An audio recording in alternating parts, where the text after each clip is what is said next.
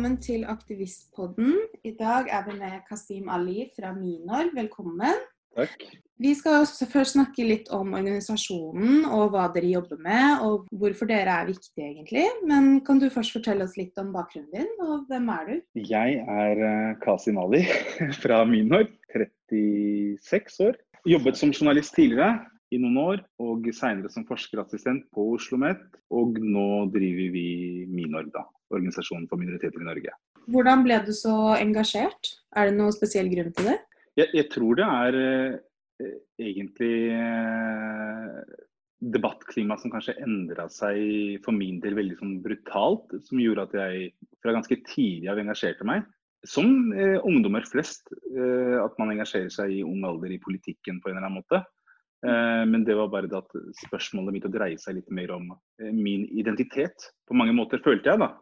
Og det gjorde at jeg så på en måte viktigheten av å engasjere seg fra ståstedet som jeg føler er eh, vårt ståsted, da, kan du si på en måte, slik jeg oppfatta det, eh, kontra de som kanskje representerte oss i, i media. Eller det som ble fortalt at er våre representanter. da. I mitt tilfelle, eh, som en muslim, så var det tidvis ikke belastende, men det, det var liksom, man så ikke representanter som snakket på en måte vegne av oss, da. Skjønner du? Det var mer at de snakket fra, på vegne av den tilnærmingen de hadde, og kanskje ikke den tilnærmingen vi som er født og oppvokst i Norge, hadde. Så, så, det var på en måte en generasjonsforskjell med minoritets, eh, representanter fra minoritetsmiljøer, spesielt fra muslimske, kontra vi som er født og oppvokst i Norge. Så da følte jeg at det var liksom viktig å komme med et bidrag. Og det ene bidraget ble til litt mer engasjement og ja, stabilt engasjement, da.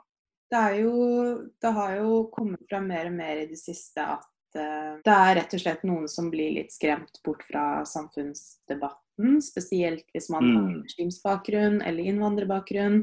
Hvordan, hvordan syns du det er å stå i liksom tøffe debatter? Går det greit? Jeg, Anette, jeg ville egentlig aldri gjort dette her, sånn seriøst. Det er, eh, det er noe jeg skulle gjerne ha sluppet. For jeg tenker eh, meg som deg, da, så, så, så, ønsker man ikke ta opp eh, ting som er eh, krevende. Du skulle gjerne unngått det. og man tenkte man, et, man, Alle ønsker et veldig anstendig og behagelig samfunn. Og Det er jo kanskje derfor man, det, er der, det er der man får næringens fra. Da, at man er det man ønsker kanskje for fremtidige generasjoner, og også for seg selv. At man tenker at den, den tiden vi litt er i nå, eller som vi har kanskje vært i en lang stund nå, uh, går over snart. Og vi får en mer harmonisk samfunn eh, mer human tilnærming til debatter, og ikke den polariseringen. Så Det er kanskje derfor man har det engasjementet, for å unngå det. Men ellers så skulle man selvfølgelig ikke vært en del av det. fordi det er så mange saker du tenker som ikke burde ha vært tema og debattert i hele tatt. At man skulle snakke om like rettigheter, likeverd i samfunnet. Som hadde sluppet dette her. da.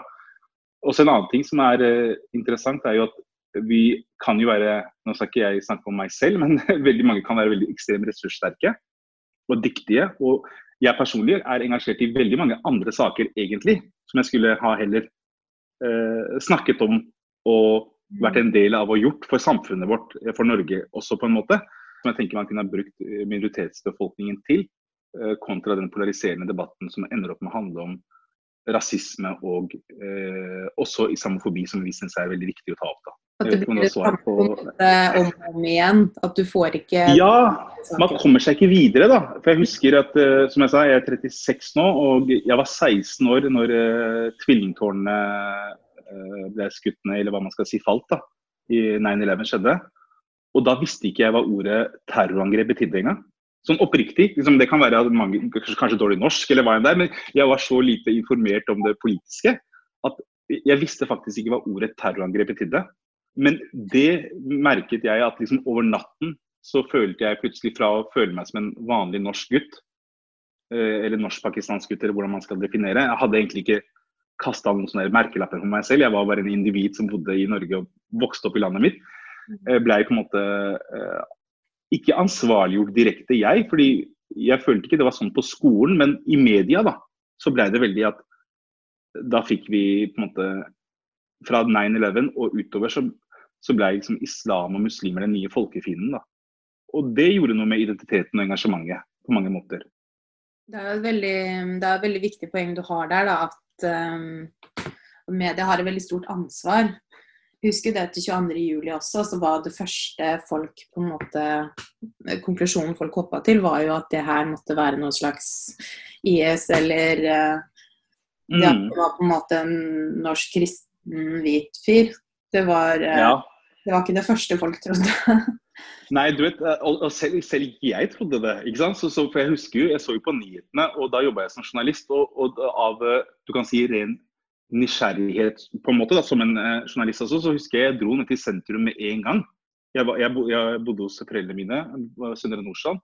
Men jeg, jeg tok T-banen til sentrum og opplevde allerede ubehageligheter. Men jeg tenkte jeg skal stå imot de ubehagelighetene uavhengig hvem som står bak. fordi jeg, kan, jeg, eller, jeg bør jo aldri klandres for noe men kanskje la oss si en med arabiskklingende navn har begått. da. Så mm. det hadde jeg allerede bestemt meg for. Men seinere på kvelden så husker jeg vi samlet oss flere venner hjemme hos en, en, en, felles venn av oss. Og eh, når først nyheten kom om at det var eh, Anders Behring Breivik, så jubla vi. Sånn som at favorittlaget vårt hadde skåret et mål på overtid og liksom Forstår du? Vunnet VM, da. Det var ekstrem jubel, og det var en så stor lettelse. For vi visste at hvis det er en muslim som står bak, så, så vil alt endre seg til det, til det verre, da. Så det var en veldig spesiell dag. Ja, det skjønner jeg veldig godt. Minorg, da. Um, når starta dere organisasjonen?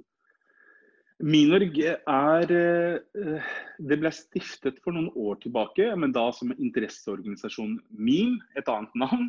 Uh, og vi jobbet eh, litt med det, men jeg, følte, eller jeg og flere følte ikke navnet. Vi følte det var liksom litt sånn svulstig navn, da, litt sånn interesseorganisasjon MIM.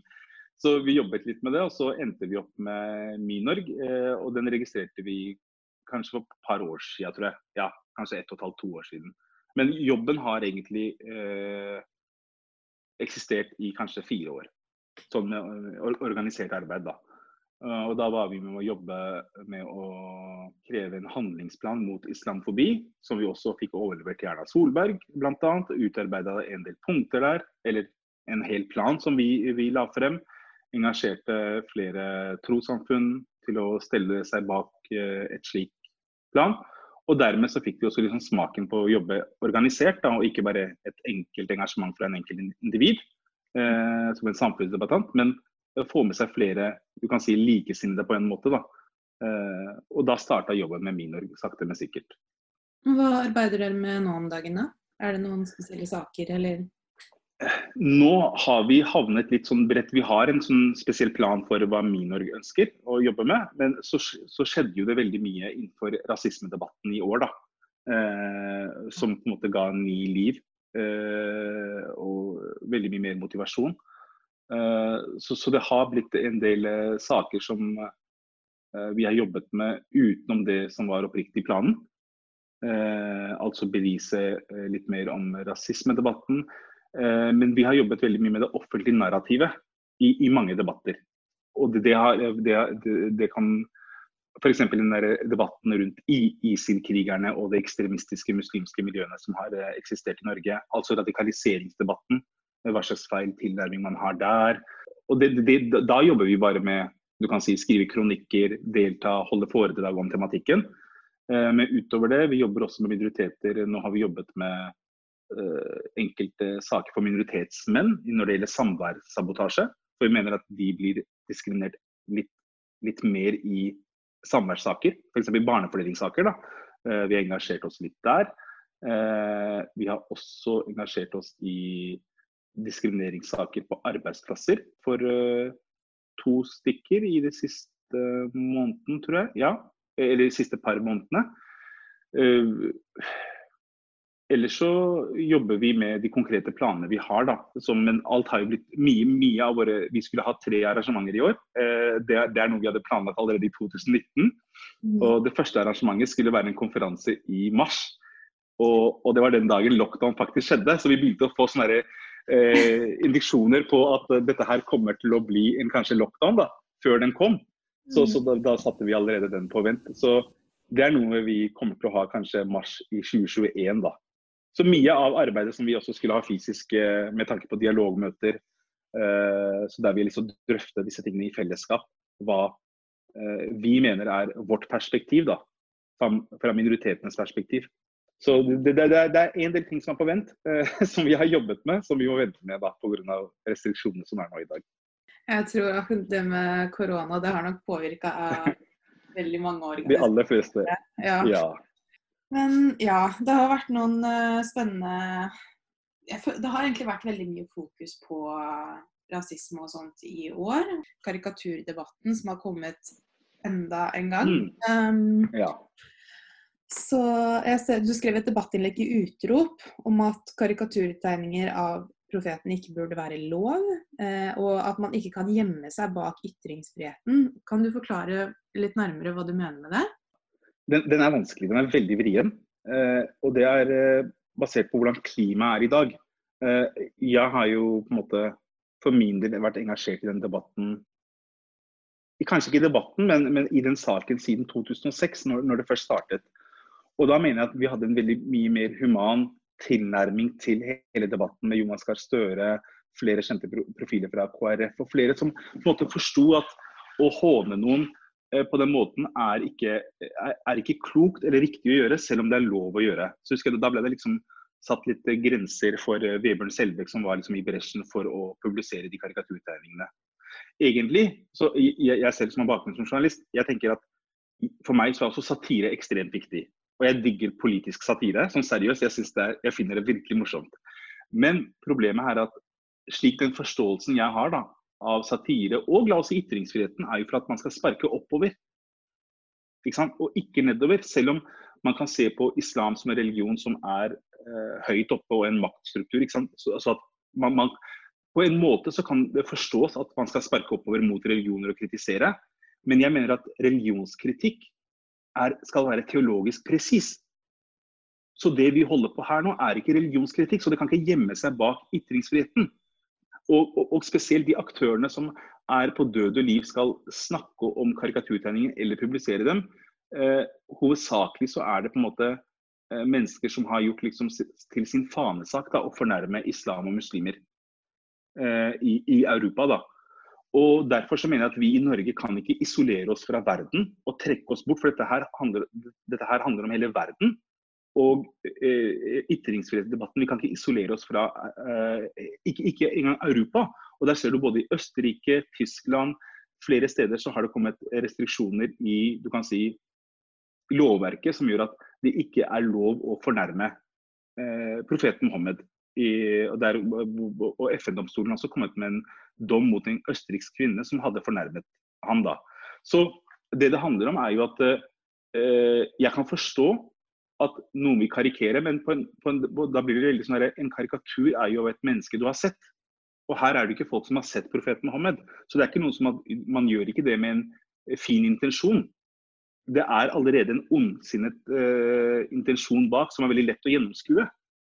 Uh, og at debatten ofte handler om at muslimer må gjennomkrenkes. Jeg tenker Det er en veldig, veldig stigg holdning å ha. da, At noen må gjennomkrenkes. Og, og, Det er basert på det at jeg forsøker å komme med det budskapet at det bør egentlig bare bli forbudt. For vi, vi har ikke tjent noe på det. Og, uh, og det, det, er ikke en riktig måte å gjøre det på, rett og slett. At den debatten skal ikke handle om ytringsfrihet, for det, det er ikke snakk om ytringsfrihet. Det er mer om uh, at noen vil provosere. Og jeg mener at vi som et samfunn må være langt mer humane mot hverandre og tenke at det er ikke noe vi bør gjøre når, når det sårer og krenker noen mennesker. Og så er det det at jeg føler også at vi muslimer eh, Nå skal ikke jeg snakke for muslimer, eh, på en måte, men samtidig så, så, vil jeg forklare at det var veldig mange muslimer føler, som jeg kjenner til, er at de er, ikke, de er, er overhodet ikke motstandere av ytringsfrihet. For ytringsfrihet er noe faktisk islam også er bygget på. For det var jo når profeten Mohammed kom med budskapet sitt, så var jo han også veldig utsatt i samfunnet. Ingen likte det budskapet han kom med. Eh, For det var helt andre religioner. Så ytringsfrihet står ekstremt sentralt i islam. Så det er noe vi verdsetter veldig, veldig mye. Men eh, de karikaturtegningene blir på en måte sett på for veldig mange unge muslimer som et angrep på deres kropp og sjel. Og det, det er noe som eh, blir på en måte dissetende, og det, det, er ting som ikke blir tatt med i den debatten. Mm. Eh, som jeg savner, da. Og, eh, og, da mener jeg at vi muslimer også har mislykkes i å forklare storsamfunnet hva betydningen av profeten Mohammed, fred være med han, er for oss. og hvorfor vi føler oss at uh, Hvorfor vi tar det på en måte litt personlig. Så Det går liksom begge veier. da, at Både muslimer har mislykkes i å forklare hva det er, og det har ikke blitt eh, tilrettelagt arenaer for man kan forklare, slik at de som er fremmed for den forståelsen, uh, blir forklart hvorfor det plager muslimer så mye. Fordi jeg kan tenke meg at hvis en eller annen uavhengig religiøs bakgrunn ser en karikaturtegning så tenker jeg hei, dette hadde ikke provosert meg. Selvfølgelig ikke, for du har ikke det forholdet til la oss si en profet. da. Mm. Og spesielt i Europa, der man har hatt avkristning av Europa de siste 100 årene, så har man kommet veldig sånn her, på avstand fra kristendommen og hellige skikkelser. Og så er muslimene nyinnflytta til Europa i de siste 30 årene, som fortsatt har veldig sterk tilknytning til sin religion. Og så prøver man den samme metoden på av eh, eh på en måte kristne muslimer. da, eh, Eh, på kanskje langt kortere tid kontra det man har brukt 100 mm. år på kristne. Så ja.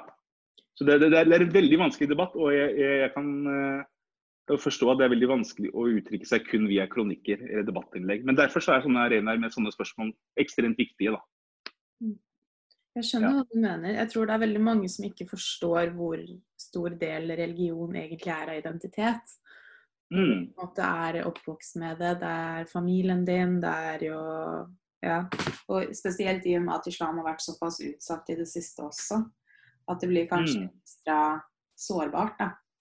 Og hele mm. tiden blir trykka på det samme punktet, på en måte. Men ja.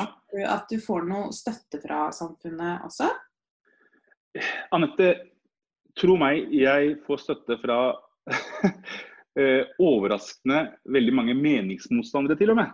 Så de også forstår det. Men det er eh, meningsmotstandere som snakker på generell grunnlag. Eh, at folk flest har et inntrykk av at dette her er en veldig uanstendig måte å uttrykke seg på.